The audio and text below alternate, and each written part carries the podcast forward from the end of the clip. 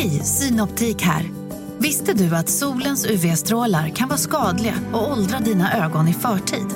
Kom in till oss så hjälper vi dig att hitta rätt solglasögon som skyddar dina ögon. Välkommen till Synoptik.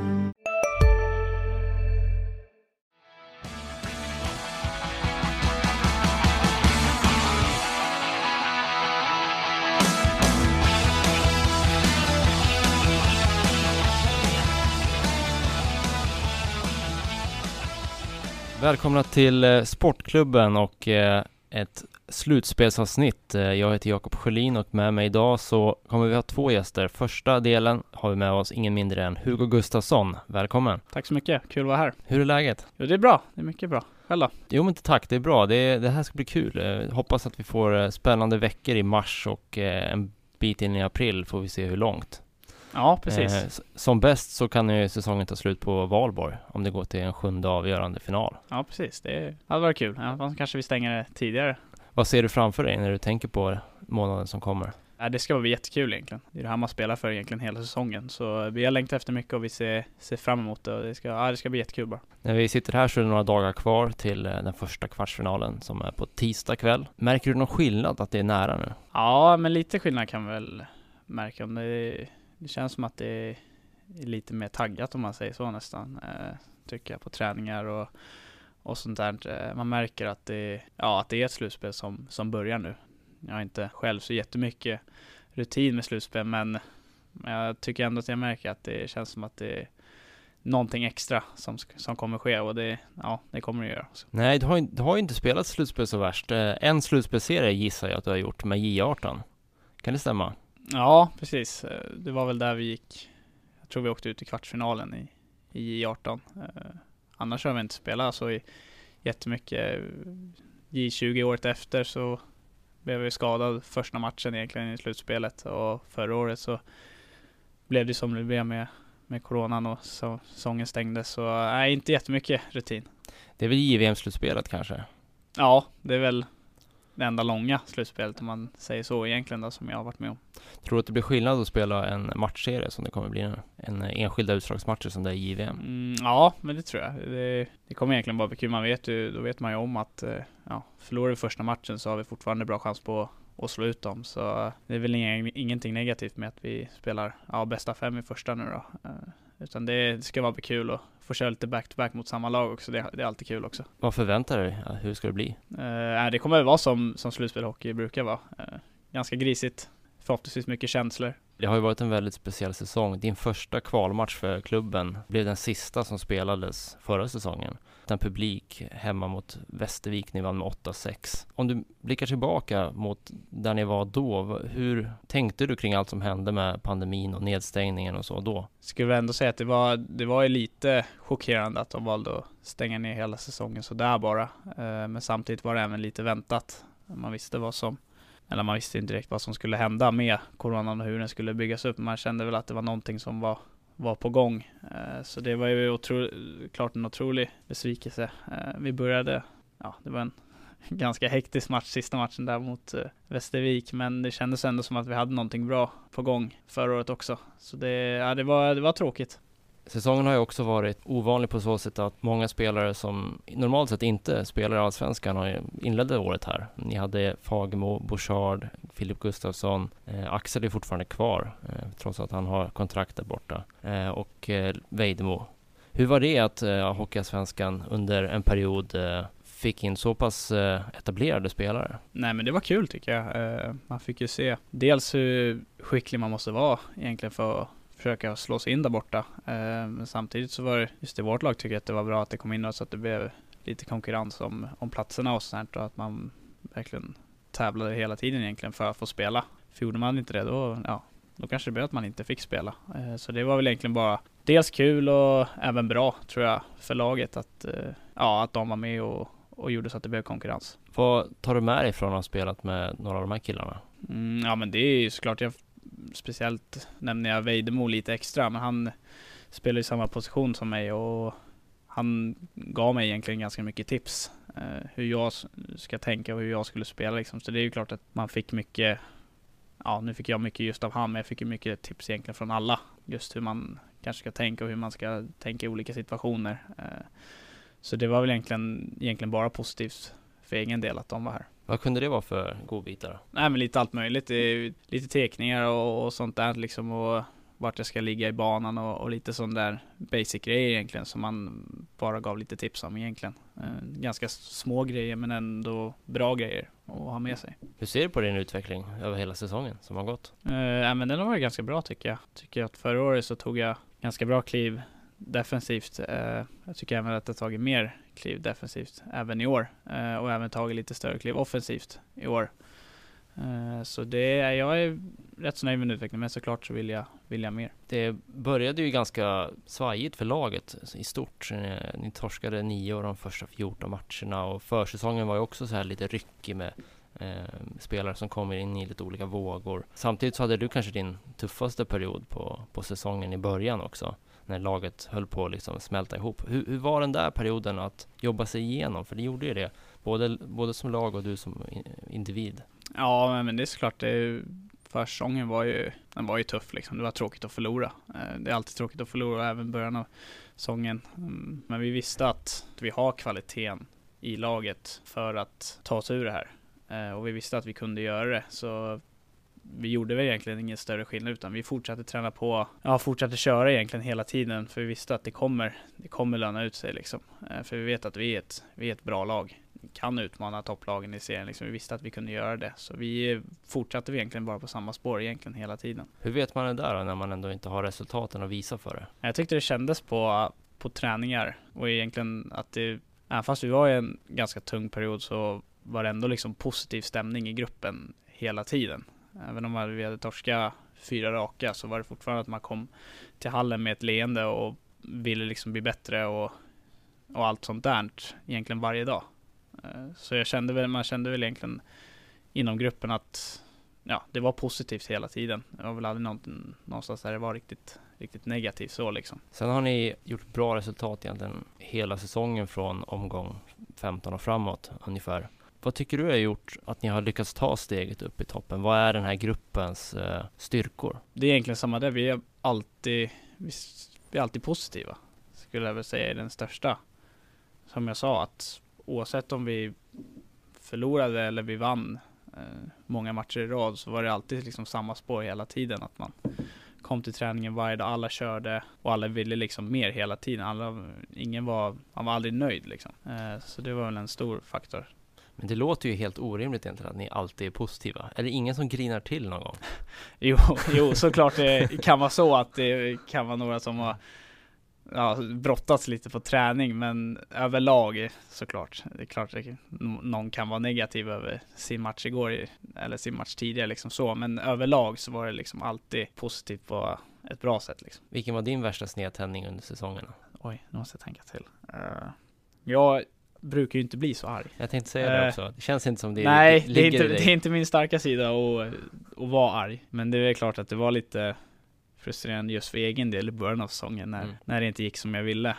Men samtidigt så försökte jag inte försökte inte visa det utåt mm. eh, för mina lagkamrater att det var, jag tyckte det var tungt för mig. Du är inne på det där, liksom, många hanterar frustration genom ilska, att liksom ventilera på det sättet. Hur mm. hanterar du frustration? Uh, ja, gör jag. Jag försöker väl egentligen bara släppa det som jag är frustrerad över så fort som möjligt. Det är klart att det kan ju vara svårt men just det där med att jag inte gjorde någon poäng de 15 första omgångarna eller vad det var. Mm.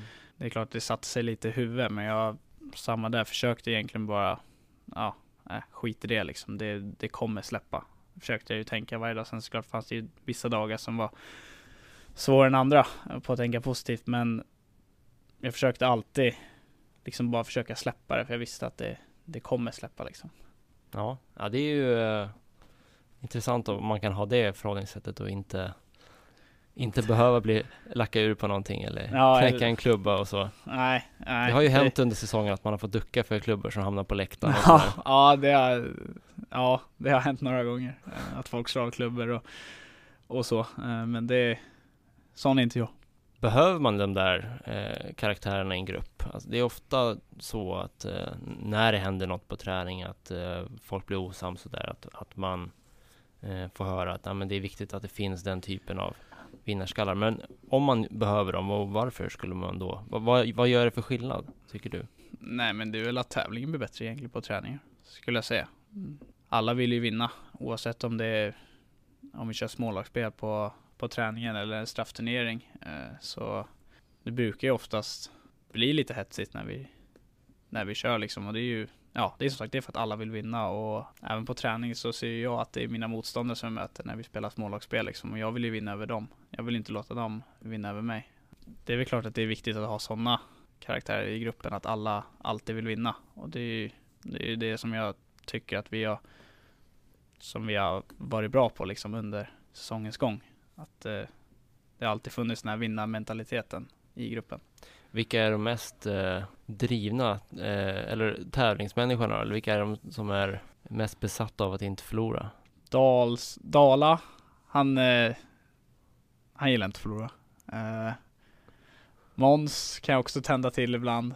Eh, sen finns det ju, ja det finns några till, Måns Ivers och Ralle gillar inte heller att förlora. Eh, men det finns många, eh, men det är i princip alla egentligen. Kylainen känns ju som en kille som kan krypa under skinnet på sina lagkamrater på träning till och med.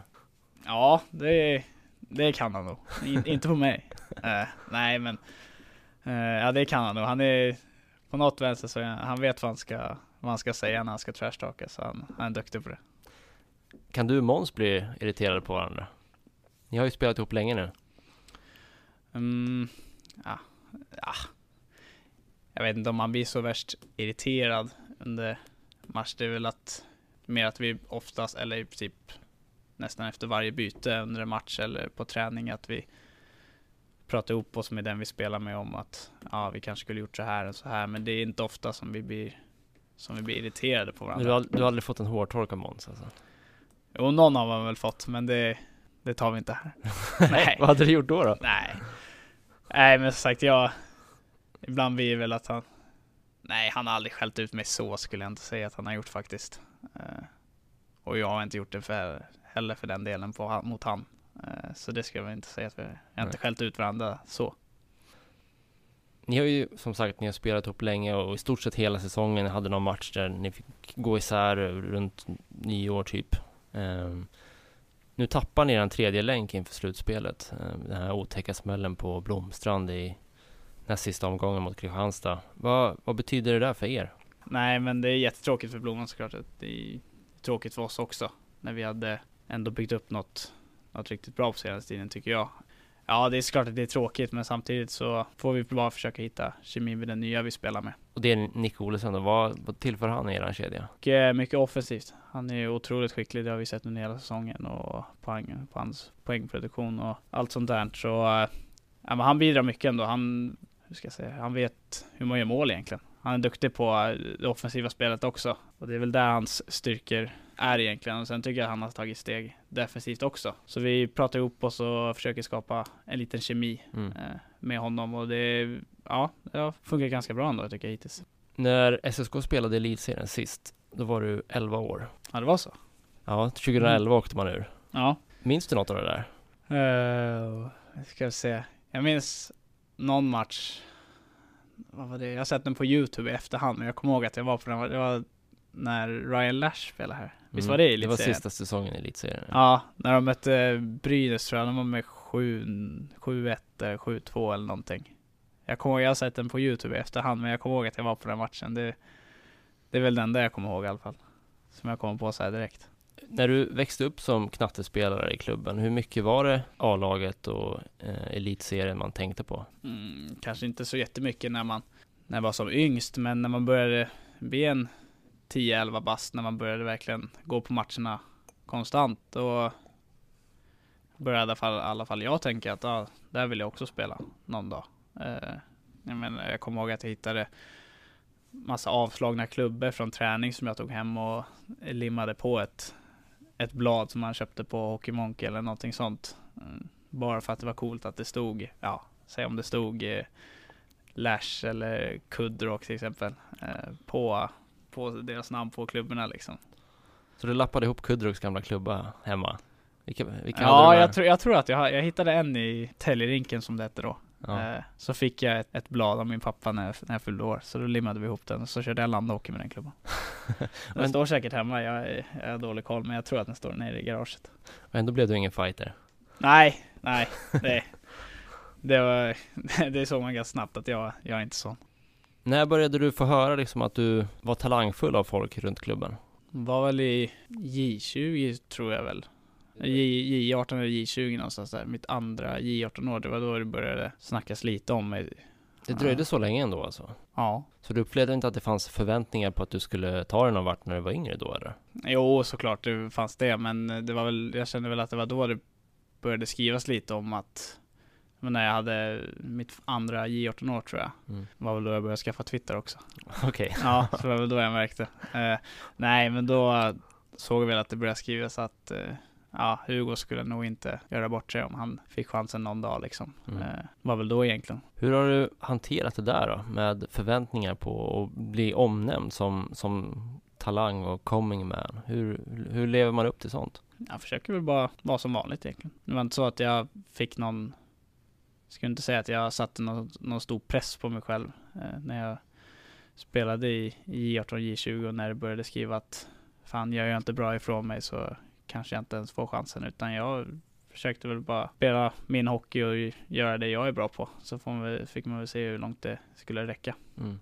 Var det givet att du skulle komma in på hockeygymnasiet? Nej, det var väl efter, var väl efter TV-pucken tror jag som det började snackas lite, började vi snacka lite. Eh, men ingen given plats skulle jag väl inte säga att jag hade. Vad tror du att det var som gjorde att det var du som gick hela vägen sen då? Jag tränade mycket extra. Kan väl vara det. Försökte väl alltid stanna kvar efter, efter träningar och sånt och nöta. Eh, för jag visste att det kommer betala av sig någon gång. När började du med det? Det var väl i, ja, kanske U, U16, U15 någonstans där som jag kände att, eller det var väl då jag började verkligen. Och min pappa var, det var väl egentligen han som började få in det i mitt huvud. Mhm. Eh, det var han som sa det att eh, träna, träna mest blir bäst. Typ så. Det var väl egentligen han som började mata in det. Och att jag skulle göra det, försöka göra det efter varje, efter varje träning. Det låter nästan som någon sån här kylskåpsmotto man kan ha hemma. Ja, nästan så. Nej, det hade, det hade vi inte, tyvärr. Men det var nyttig lärdom för dig alltså att, att ta med dig? Ja, verkligen. Tror du att du hade insett det själv om du inte hade haft eh, föräldrar som kunde komma med de råden? Mm, kanske, kanske inte.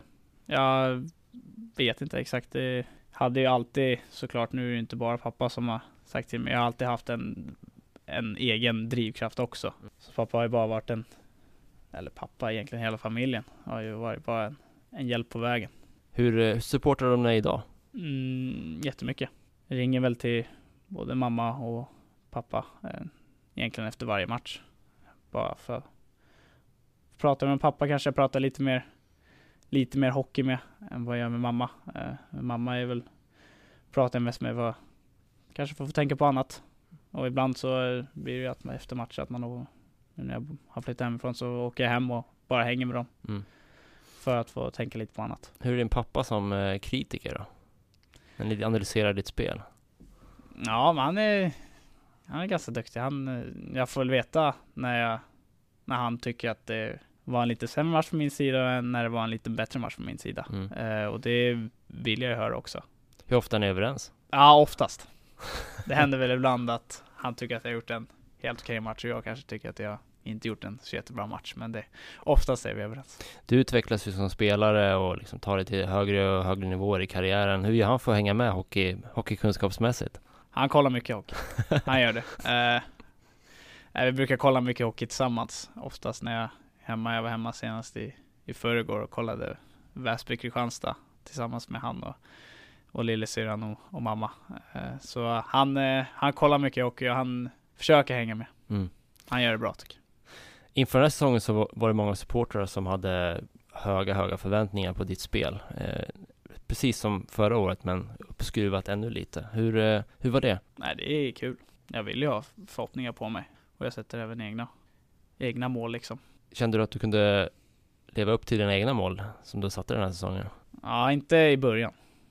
Eh, ska jag väl inte säga. Eh, jag satte aldrig någon något liksom mål på, på poäng så liksom. Men jag satte väl lite hur jag ville spela liksom och så. Och ibland, i början framförallt, så var jag väl inte riktigt nöjd med hur jag spelade. Men när jag väl fick, fick in lite poäng så släppte även, även spelet tycker jag. Nu är du i en position i alla fall där du eh, hör till de ledande spelarna i din moderklubb. Ni ska spela slutspel, ha chansen och ta klubben tillbaka. Den bästa positionen på, på åtta år. Eh, vad betyder det för dig att vara där du är nu? Eh, jättemycket. Man har ju alltid velat att SSK ska komma upp i finrummet igen, eh, där de är hemma. Och att få vara med på, på en resa där vi har chansen att gå dit upp. Det är ju jättekul och jag är verkligen jätteglad såklart. Hur gör man för att eh, se till att man kommer i toppform till ett slutspel? Hur, hur gör du för att ladda och toppa din eh, prestation? Ja men det blir mycket massage. Okej. Okay. Nej, jag skojar bara. eh, nej men det är väl att vara noggrann med, med allting egentligen gällande när det kommer till träningarna och sånt uppvärmning och så man inte så man inte drar en olycklig, olycklig skada eh, på grund av att man har slarvat. Eh, så det är väl egentligen bara att vara noggrann med, med uppvärmning och, och allt sånt egentligen. Kommer du göra något annorlunda under slutspelet för att liksom kliva in i en bubbla eller hitta ett större fokus? Nej, det tror jag nog inte att jag kommer göra. Utan jag kommer egentligen fortsätta på, på samma spår. Eh, samma uppladdning och, och allt sånt, liksom hur jag gör samma rutiner på matchdag och sånt kommer jag väl fortsätta med egentligen. Utan jag kommer nog inte göra så mycket större skillnader. Vilka rutiner är viktigast för dig? Det var ju några roliga bilder på Twitter här. Nick verkar tycka att det är viktigt att gå av isen sist till exempel. Så ja. var det några motståndare som också tyckte det var viktigt och så satt de och väntade ut varandra och stretchade. Vad, vad är dina viktigaste rutiner? Jag har väl inga direkt rutiner på just på isen eller så här på matchvärvning. Det är väl lite rutiner innan. Jag eh, brukar väl ofta käka samma mat. Jaså? Ja, det brukar jag hålla vid. Vad blir det då? Jag brukar käka lite köttbullar och spaghetti brukar jag käka. Det är vinnarkosten alltså? Mm, ja men det har jag kört eh, ett bra tag faktiskt. Eh, jag Var... vet inte varför det kom till, men jag har för mig det satt no någonting i huvudet att jag käkade innan en match och så gjorde jag en skitbra match och då sätter det sig i huvudet liksom. Ja. Eh, så det är väl lite sådana rutiner. Men är det att... något som du har kört den här säsongen eller även sen tidigare också? Nej, även sen tidigare. Jaså, så långt mm. tillbaka? Ja, ja men det är väl sen jag... Men är det så här bara spaghetti och köttbullar straight up eller har du något till det också eller? Nej, det brukar vara straight up. Jaha, okej. Okay. Mm. Mm. Du kör clean? Ja, kör clean. Okej. Okay. Uh, eh, och det är väl lite sånt och sen uh, lite, ja, är, jag har väl inte så jättemycket egentligen skulle jag säga, men det är väl en grej som jag nu avslöjar jag mina rutiner här, det kanske inte är bra. Nej, jag skojar.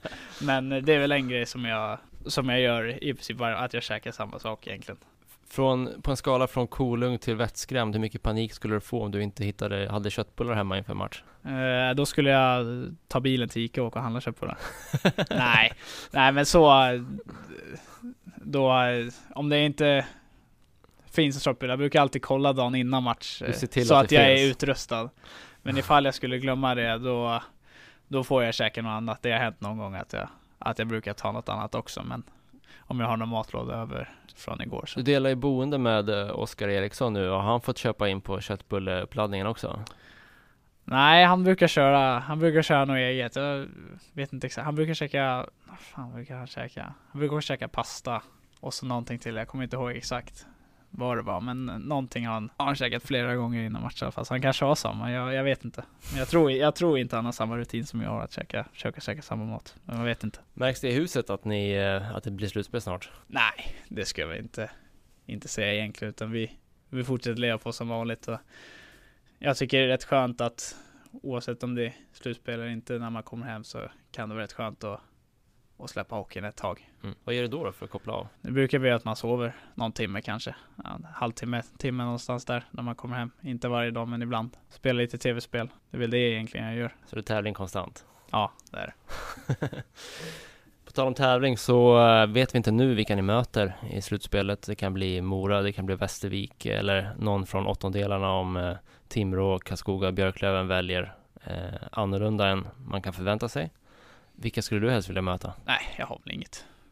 Jag har inte tänkt på det så mycket utan det, när man går in i ett slutspel så ska man vinna över varje lag så det spelar egentligen ingen roll tycker inte jag vilka vi möter. Det där kallar jag bluff på, att du inte har tänkt på vilka ni ska kunna möta. Jo okej okay då, man kanske har tänkt på det, men det är inte så att jag har spekulerat så mycket om vilka jag tror, men jag tror att det är antingen blir Mora eller Västervik då om jag säger så. Mm. Men eh, jag har inte tänkt så mycket. Vad är det för skillnad på att möta Mora och Västervik? Jag tycker Mora har en, deras offensiv är väldigt bra, måste jag säga. Eh, de har två, två bra linjer där, första linjen som är otroligt farliga. Eh, och sen Västervik tycker jag har ett, jag, ska säga, jag tycker de har ett spelsystem som är svårt att spela mot, mm. om jag säger så. Eh, så det är väl egentligen, jag tycker Mora är mer individuellt skickliga mm. än vad Västervik är. Vad är lättast att hantera då? Individuell skicklighet eller ett eh, samspelt kollektiv? Ja, då skulle jag nog hellre möta Västervik tror jag. För det känns som att vi, vi har också bra kvaliteter i vårt lag, så det känns som att vi skulle kunna hitta ett sätt att spela mot dem.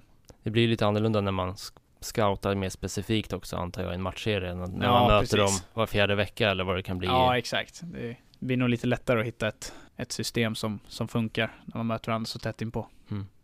En nyckel i slutspelet blir ju också special teams, eh, där ni faktiskt varit hundraprocentiga eh, i boxplay i mars. Mm. Vad har varit nycklarna till när ni har varit som bäst i boxplay? Mm, jag tycker att det vi håller vår struktur som vi har pratat om hela tiden. Jag tycker inte att vi, vi ändrar inte på någonting. Eh, vi kollar lite på, oftast på några varianter som, eh, som motståndarna har kanske, men annars så brukar vi inte kolla så mycket på, på deras powerplay, utan vi brukar egentligen bara försöka fokusera på vårat spel och hur vi vill spela boxplay. Eh, så det tror jag har varit framgångsrikt, att vi vet, alla som spelar boxplay vet hur vi ska spela.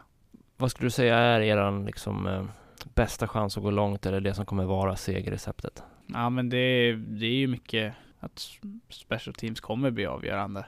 Eh, och även den defensiva biten tror jag i 5 mot 5 kommer bli otroligt viktigt. För oftast när vi sätter den biten så då är vi oftast bra match. Då kommer offensiven eh, automatiskt. Så den defensiva biten kommer nog bli viktig och även special teams. Ja, nej men Hugo, det blir eh, väldigt spännande det här och eh, följa nästa vecka.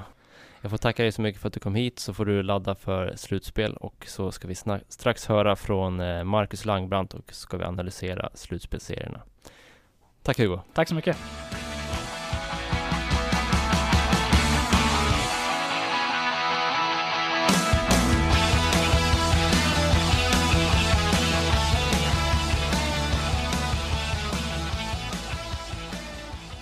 Så, välkomna tillbaka ska ni vara efter det där inslaget eh, och intervjun med Hugo Gustafsson som gjordes eh, i mitten på förra veckan så har vi nu två andra gäster eh, och nu vet vi vilka som SSK får möta. Därför så har jag med mig idag kollega Marcus Langbrandt och tidigare kollega numera hockeykommentator och bandypulsexpert Andreas Hansson. Välkommen tillbaka!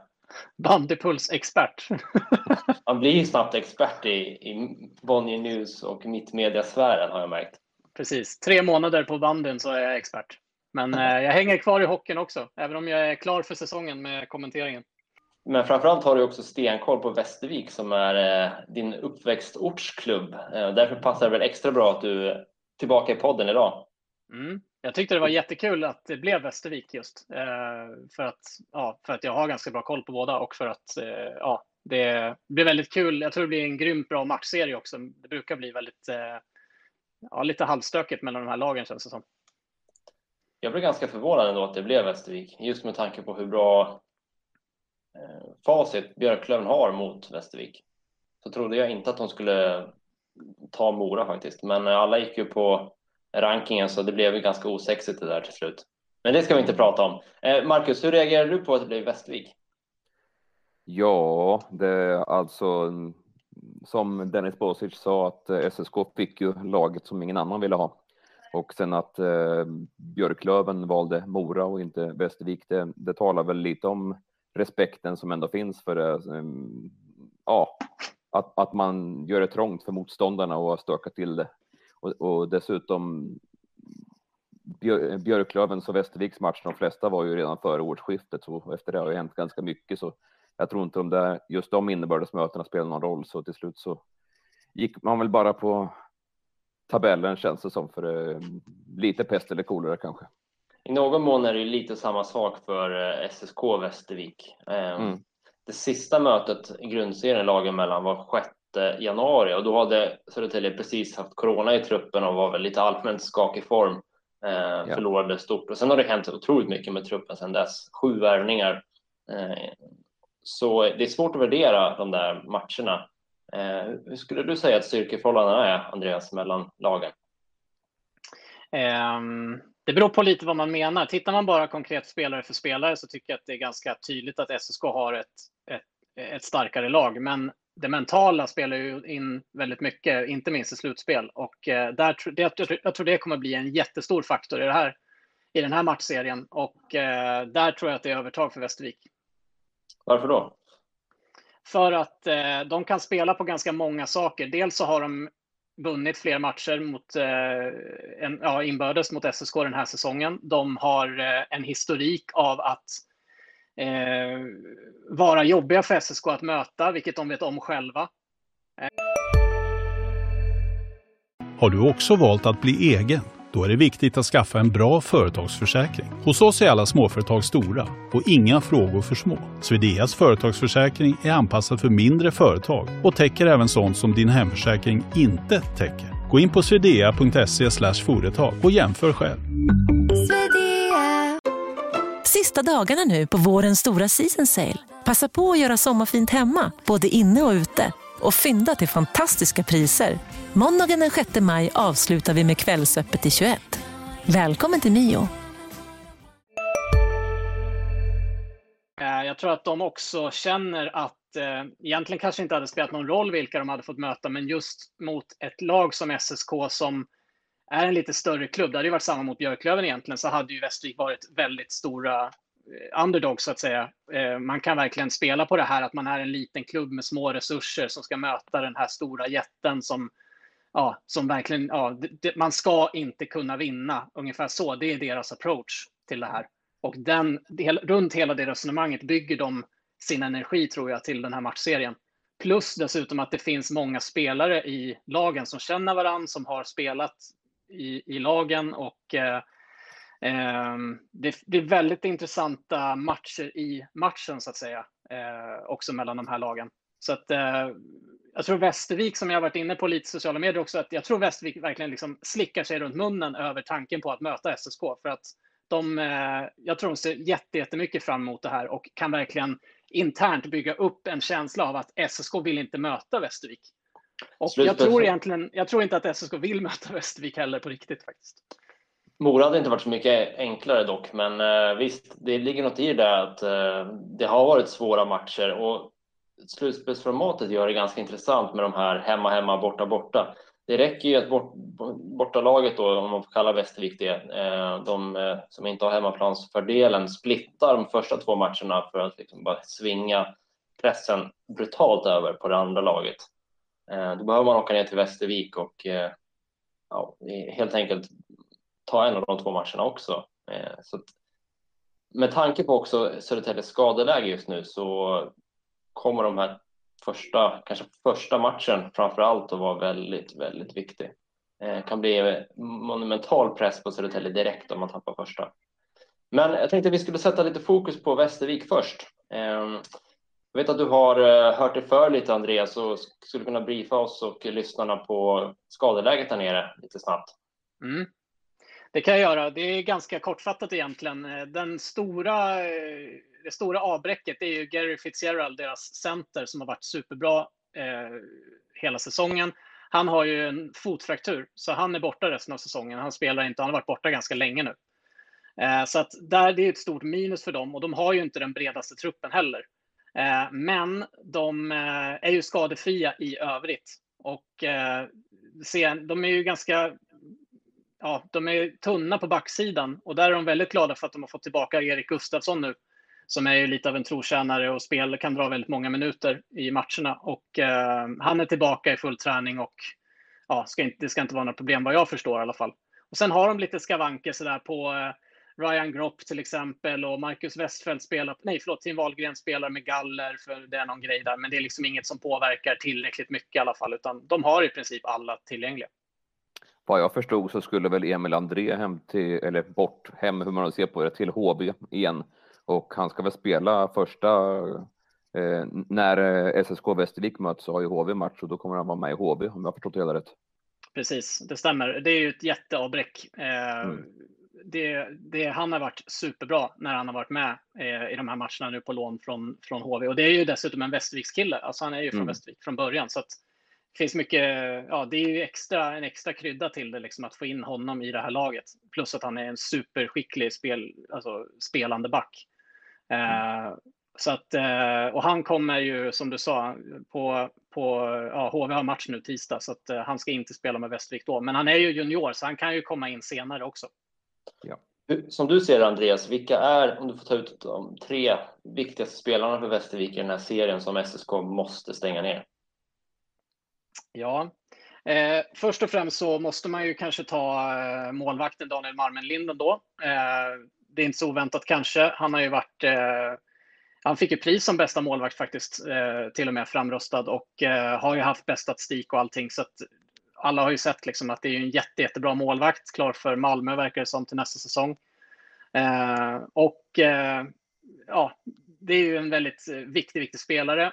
Det som är intressant med honom tycker jag, det är att han har absolut noll erfarenhet av spel i kval eller slutspel.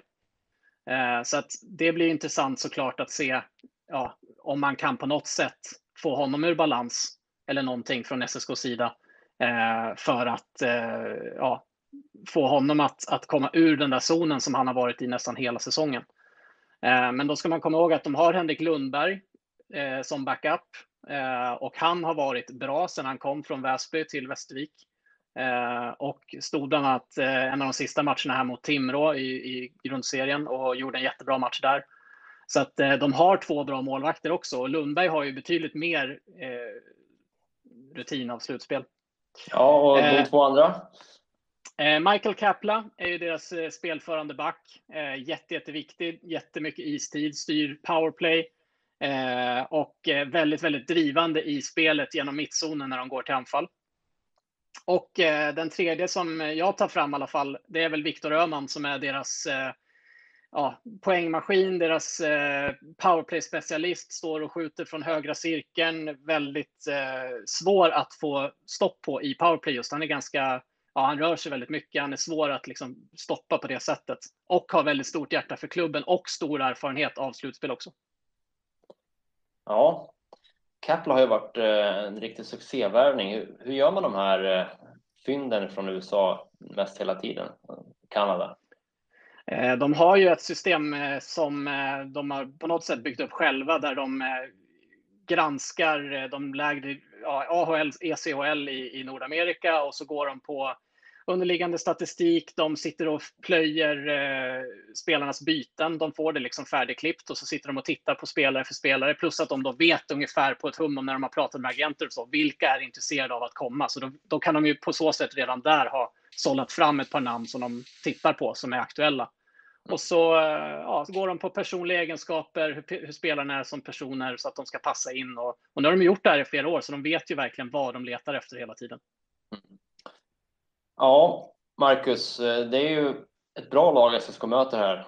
Vad är det som du tycker talar för eh, Västervik i den här matchen? Om vi ska vända lite på det så ska vi sen prata om vad som kan vara till eh, Södertäljes fördel spontant känner jag ändå det mentala spelet att SSK både i år och av tradition kanske har fått svårt att eh, få offensiven, deras huvudvapen egentligen att stämma mot just Västervik. Västervik är ju ett, ett bra, hårt arbetande kollektiv med en bra målvakt och får man inte till eh, offensiven, målgörandet, så, så tror jag det kan gå lite frustration i det här. Och det, det är väl framför allt det som jag har utläst ur de matcherna som jag sett SSK mot Västervik i. Framförallt har ju powerplay eh, kört fast fullständigt mot Västervik i de fyra matcherna den här säsongen. Eh, och det mm. har vi sett i år att när det inte fungerar för Södertälje så är det svårt för dem att vinna matcher. Så är det förstås för alla lag som, som det brukar heta, men, men Södertälje är extra eh, beroende av, av powerplay eftersom man oftast eh, går liksom break-even i, i fem mot fem spelet så måste det, man vinna matcherna i special teams. Och eh, där känns det som att Carlino och company har haft rätt bra koll på Södertäljes eh, spel. Det kan också vara lite slump, men eh, eftersom det är bara så få matcher man har spelat. Eh, men utdelningen har inte funnits där hittills. Nej, Västervik är ju ett ganska starkt lag i 5 mot 5 spelet också, så det blir ju en väldigt tuff utmaning för SSK att vinna spelet 5 mot 5 i den här matchserien. Ja, det känns som att man kanske får hålla sig flytande där och sen försöka eh, vinna matcherna, eh, som sagt i special teams. Mm. Men ja, Västervik har dominerat pucken och spelet och så mot Södertälje. Mycket på att man har vunnit den eh, i SSKs uppspelsfas. Man har som naglat fast Södertälje och så har de spelat bort pucken på olika sätt. Eh, men det känns ändå som att när det har varit uppställt anfallsspel och de inte har liksom just återerövrat den och, och, fått en chans på det eller att man har spelvänt så har det varit mycket kvantitet tycker jag, inte så mycket kvalitet när Västervik har anfallit. Mycket skott från högerbacksplatsen framför allt för styrning och returer och så där. Och det, det genererar ju situationer men det har inte känts superspetsigt alla gånger i 5 mot 5, har inte jag tyckt i alla fall. Hur ser ni på det? Nej, men precis. Ska man tänka sig då att eh, satsa på att få en utvisad och, och köra på kontringar i boxplay? Är det det som är modellen? nej, nej. ja, nej. Jag menar med att när, när SSK har sitt försvar uppställt och i position så ja. har det ändå känts ganska tryggt. Man har en bra målvakt nu. Mm. I Jussi Rynnes hade det förut också. I Gustafsson och Berg kan ha en bra säsong som tvåa. Eh, mm. Så så bekymrad över att Västervik har puck tycker jag inte att man bör vara. Däremot när de, det handlar om när man ger bort pucken.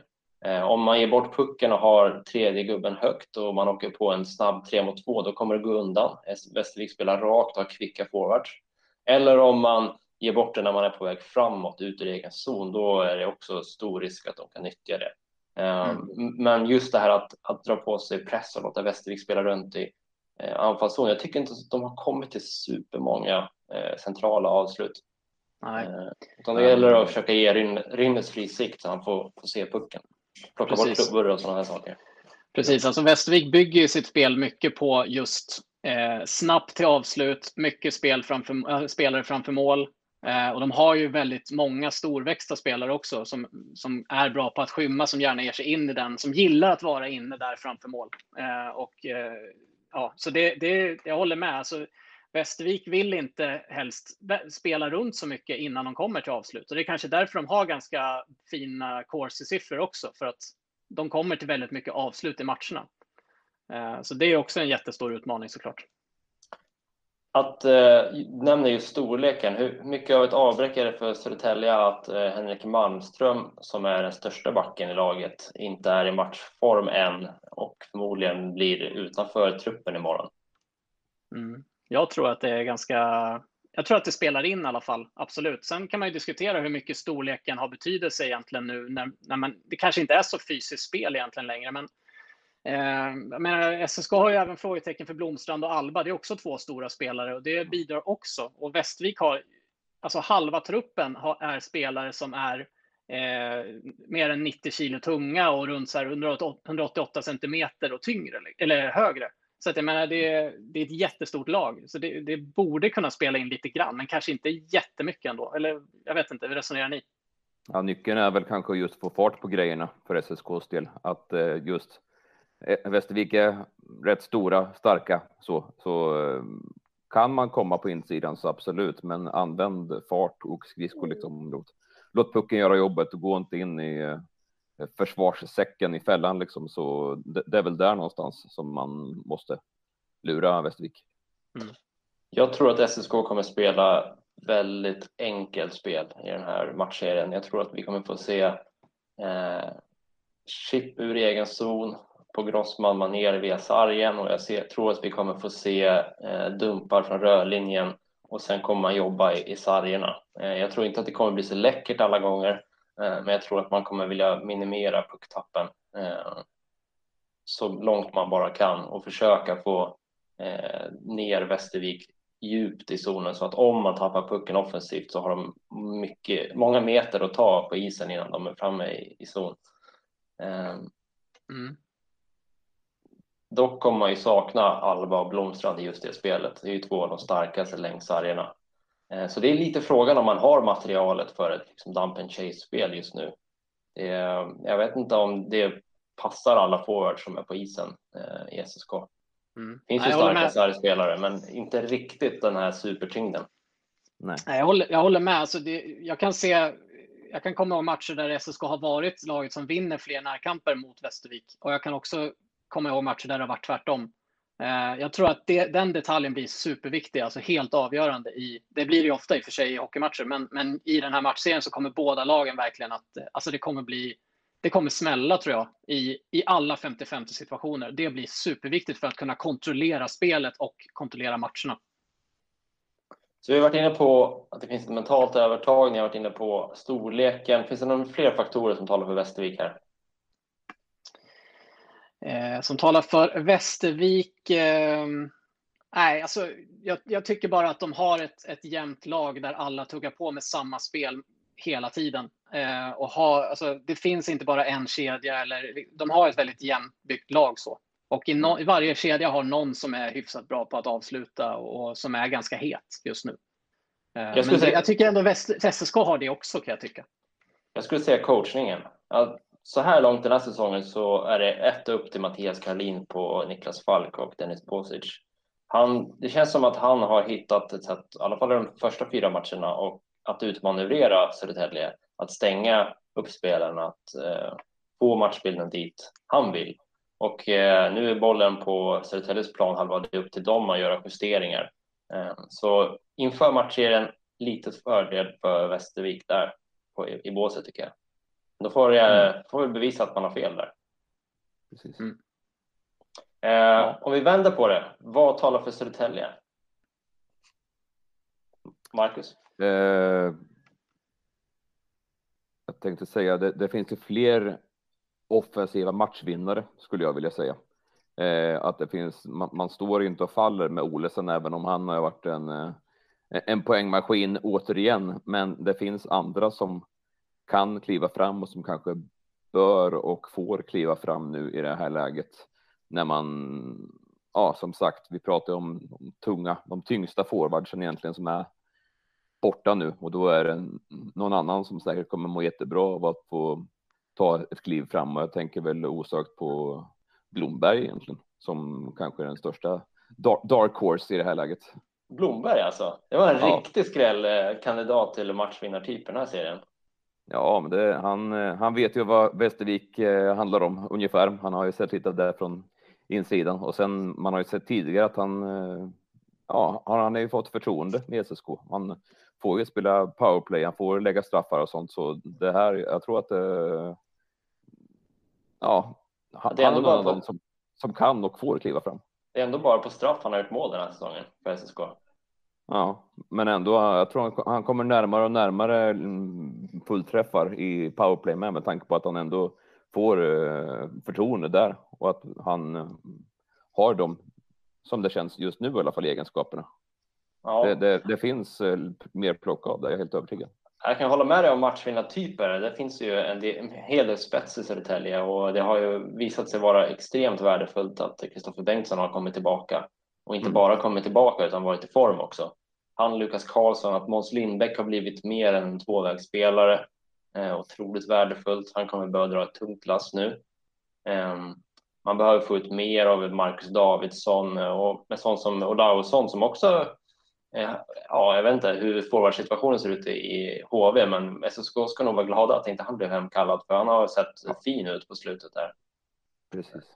Mm. Och eh, Andreas Hjelm, en av de bästa PP-backarna i serien. Så det finns, eh, spets finns det absolut. Mm. Jag tycker att... Ja, det, är så, det är många man pratar om liksom och, och Blomberg är någon som inte nämns egentligen och det är nog inte fel att uh, han får smyga där för Bengtsson har kommit tillbaka och han är liksom, det, det är han som skjuter i powerplay egentligen. Det, det, där det händer saker och de andra är rätt så påpassade och uh, en del bara, ja, när kommer lyftet då? När kommer Davidsson eh, färga en hel match till exempel. Och Olausson såg man ju direkt när han kom tillbaka efter eh, skadan att eh, direkt hände det någonting. Det är ytterligare någon som behöver komma fram och jag tror att ja, men jag, jag, jag håller en slant på Blomberg faktiskt. Ja, jag, jag, skulle nog säga att, eh, att, jag tycker att det finns, borde finnas mer skicklighet ändå i SSKs lag jämfört med Västerviks. Och eh, att, den, eh, att det finns fler spelare som har en högre skicklighet än vad Västervik har. Eh, och den här bredden i laget. Sen har man ju alltid lika många på isen. Så jag vet inte, det, Västervik har hållit sig ganska skadefria hela tiden. Eh, det är frågan hur mycket den där bredden kommer spela in, men, men SSK har ju en klart större bredd på sin trupp i alla fall. Ja, om alla är friska som sagt, men just nu så är det ju ganska brandskattat på forwardsidan. Eh, inte, Sam Bitten är avstängd två första kvartsfinalerna. Eh, Hugo Gustafsson är ett frågetecken. Vad skulle det betyda om man inte har Hugo med i första kvartsfinalen? Mm, jättemycket, Jätte, jättemycket. Eh, han, ja, vi har ju sett både i underliggande stats och i spelet hur, hur viktig han är. Inte minst i defensiven och egen ja. zon och det kommer ju bli jätteviktigt i den här matchserien. Ja. Han är fantastisk på att spela försvarsspel med klubban och eh, rycka åt sig puckar och liksom eh, få tillbaka SSK på offensiven hela tiden. Precis. Med, eh, grymt positionsspel och det där är ju tyvärr sånt man kanske inte ser om man kollar highlights eller om man inte verkligen bestämmer sig för att idag ska jag titta på Hugo. För man behöver titta på honom när han inte har puck eller när SSK inte har puck för att förstå liksom vad, vad grejen är. Um, så han går lite under radarn där. Um. Nej, Dennis... inte bara att han går kort på centrar liksom, men nu när både Bitten, han är ju inplockat som center i och för sig, även om man har visat att ja, han är väl ungefär lika bra som forward av det man har sett. Och som sagt, Hugo, ja, man kan prata mycket om eh, mål och assist och sånt, men hans och Lindbäcks jobb ihop har ju fått eh, Blomstrand att växa. Alltså jag, underliggande arbetet och defensiven och så. Sen har du ju två och en halv minut i boxplay per match du ska ersätta mm. där också om man inte kan spela. Precis. Det är rätt mycket. Mm. Mm. Eh, Andreas, vad har du för några grejer som talar för SSK då, förutom skickligheten individuellt? Nej, men det, det som jag har kvar egentligen som jag har tänkt på, det är ju powerplay. Eh, där jag tror ändå att det är fördel SSK. Vi har varit inne lite grann på det redan. Men eh, Västervik har varit lite ojämna i powerplay, har inte haft så mycket powerplay-tillfällen i sina matcher den senaste tiden heller. Så att, eh, och inte har det sett bra ut på träning heller, vad jag förstått från de rapporter jag har läst och hört i Västervik. Nu får vi inside får man säga. Det är bra. ja, nej då, men eh, ja, de, de tycker väl inte att det är hundraprocentigt där eh, på träning heller. Men eh, får se helt enkelt. Det, båda lagen har potential att ha bra powerplay, så det är väldigt svårbedömt tycker jag. Vi var inne på det att SSK har inte haft utdelning mot Västervik, men å andra sidan så har Södertälje haft det näst bästa PP över hela säsongen och jag tror att det kan spela in lite sådär slump och variation och vilken kväll man råkar ha när man möter ett lag än att det är eh, på något sätt så genomscoutat att Västervik har liksom hittat sättet att stänga ner. SSK kommer ju såklart justera för vad Västervik gör i boxplay, så jag tror också som du att den liksom genomgående skickligheten av de många eh, duktiga powerplay-spelarna som finns i Södertälje kommer vara en fördel, absolut. Eh, blir det en 5-5 historia den här med få utvisningsminuter så är det nog mer fördel Västervik, men om det blir eh, fysiskt och ibland över gränsen och eh, en hel del tvåor åt båda hållen så borde det i längden gynna SSK, det tycker jag.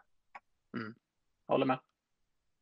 Beroende på vad domarna tycker att de ska ha för nivå också. Vad, vad går man in i, i slutspelet med för eh, regelbok och eh, hur nära har man pipan? Det, det är en sak att, att spela fysiskt och en sak att åka ut för. Jo, jo, men ja, jo visst, absolut. Jag menar bara att eh, om det blir mycket utvisningar så, alltså blir det fem utvisningar åt varje lag, eh, då borde det kanske ge ett extra mål till Södertälje över match liksom. Ja, eh, så är det. Eller så. Ja, men vi ska också lista här innan vi eh, avslutar med att tippa den här matchserien. Eh, varsin nyckelspelare i Södertälje och eh, jag tänkte att du kunde börja Andreas. Vem ser du som den viktigaste att prestera under de här tre till fem matcherna? Mm. Ja, det är, det är tråkigt att ta sådana här givna, men jag måste ändå göra det för jag tycker att eh, målvaktssidan är så pass viktig och eh, ja, jag väljer helt enkelt Jussi Rynne om jag bara får ta en. Och, eh, jag tycker det blir intressant att se honom. Jag tycker att han har sett fantastiskt bra ut, väldigt stabil, härlig målvaktsstil, ger lugn till laget och allt det där. Sen vet jag att han har ju chokat i slutspelet tidigare i sin karriär och blivit ofta bortvald när det ska bli slutspel. Han har ja. spelat i många bra lag i Finland, men det har alltid varit den andra målvakten som fått chansen i slutspelet. Och det ja, undrar jag lite grann över. Det blir spännande att se. Ja, det har du faktiskt rätt i. Varje gång. Pratade du med eh, Jussi om det här för, för några dagar sedan, Marcus? Jag gick in och frågade lite grann om vad man hade för favoritminnen och så där från eh, playoff. Och jag, jag såg ju också statistiken där att han hade någon jättesäsong där i ligan, men sen när det blev slutspel så valde de ändå den andra keepern där som hade stått hälften så många grundseriematcher. Och jag, jag har inte gått tillbaka och forskat exakt vad det berodde på, men eh, han eh, just Jussi valde att hala fram en, eh, ett juniorminne istället när han pratade om slutspel, så då tänker man ju att ja, men då, då kanske det inte varit någon fest tidigare för hans del på när det varit seniorhockey och slutspel. Så båda SM-ligatitlarna, de, de tog han som båsöppnare med andra. Mm. Ja, alright. Ja, det har du helt rätt i Andreas, att uh, han måste ju leverera som den etta han har sett ut som sedan han kom till Södertälje. Uh, så är det ju, särskilt när man går upp mot uh, seriens bästa målvakt i Marmen Lind. Marcus, vem, vem har du som nyckelspelare? Ja, jag hade väl tänkt Rynnes egentligen också, men ska man hitta någonting annat istället då så tänker jag inte eh, en nyckelspelare utan en formation istället då, fjärde linan. Den eh, som har ett eh, tydligt jobb här med Kajlainen, Dahlström och Aronsson. Att, eh, och det är ju där fys både fysiska och mentala spelet att vara uppe i ansiktet på motståndarnas stjärnor och målvakt när det inte minst när det vankas slutspel. Eh, man ser ju Kahelainen är ju där varenda avblåsning och, och, eh, och flinar åt någon liksom. Men hur mycket han än gör det så han åker ju inte ut för det. Han har knappt några jämförelser med vad, hur mycket han syns och stökar så har han ju inga utvisningsminuter. Så den formationen, vad, vad kan de eh, ställa till med för motståndarna? Det, det är nog intressant och den, den kedjan är ju mer än något annat i SSK just nu samtrimmat. De har ju fått köra ihop nästan hela säsongen i jämförelse med allting annat som har bytts ut och bytts in fram och tillbaka. Jag skulle vilja lyfta fram eh, Marcus Davidsson som en av nyckelspelarna, särskilt nu om eh, Hugo missar någon match i, början. Ehm, ska SSK få en en, två, tre kedjor som är offensivt produktiva och kan hota Ehm, så behöver Davidsson leda en av de tre. Och eh, hans underliggande siffror har sett bra ut och han har gjort eh, en hel del poäng. Men jag skulle vilja se att han har lite mera auktoritet och pondus i matcherna, att han är den som eh, styr rytmen lite mer och knyter ihop eh, femmans spel.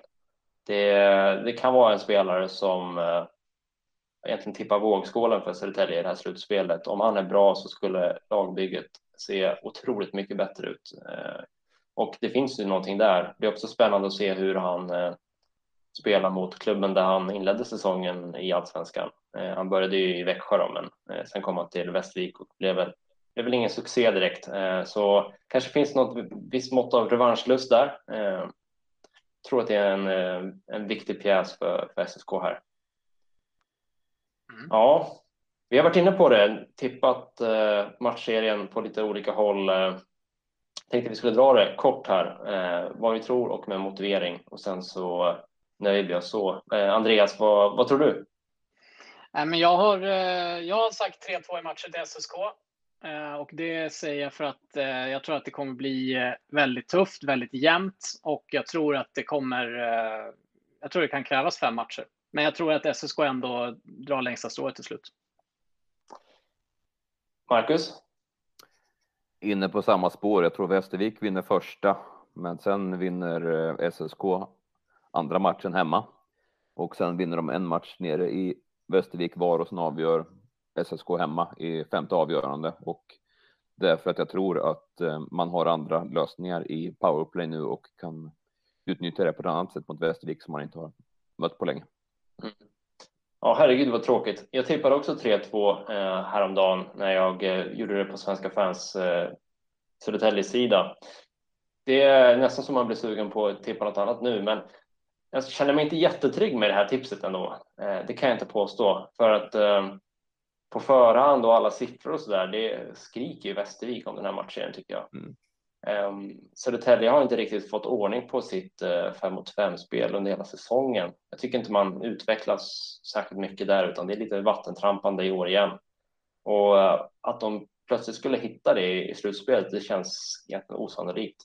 Uh, men det som får mig ändå eh, tippa Södertälje är att det är en matchserie nu där man möter samma motståndare. Man kan verkligen läsa in sig på vad de gör i press och fokusera sina taktiska justeringar på det.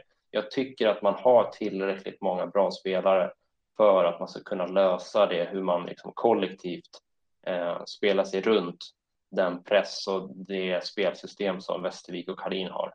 Eh, det tycker jag verkligen att man borde kunna kräva att man ska lösa. Så därför så tippar jag SFK. Ja, jag, jag, tycker också att det, det, tittar man egentligen på alla faktorer så är det faktiskt fördel Västervik eh, i mångt och mycket. Men jag tror också att eh, den lilla skickligheten som skiljer till SSKs fördel och att det finns en större slutspelsrutin i SSK än i Västerviks lag generellt, eller alltså överlag bland spelarna, då jag får i alla fall, för mig så gör det att det tippar över till SSKs del i alla fall.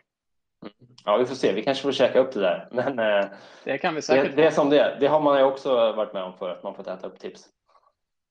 Oh, ja. Alla experter är ense, alltså går åt andra hållet.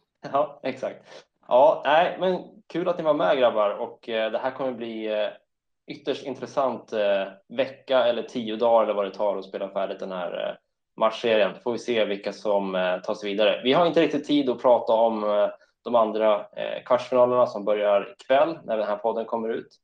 Eh, men ni kommer kunna följa hela Södertäljes väg genom kvartsfinalserien på lt.se och Hockeypuls. Eh, så hoppas vi att vi kan komma med mer poddar längre fram om det blir efter säsong eller om det blir under slutspel. Det får vi se. Med det så säger jag tack för att ni har lyssnat och på återhörande och tack för att ni var med grabbar. Ja, tack själv. Ha det så bra. Hej hej.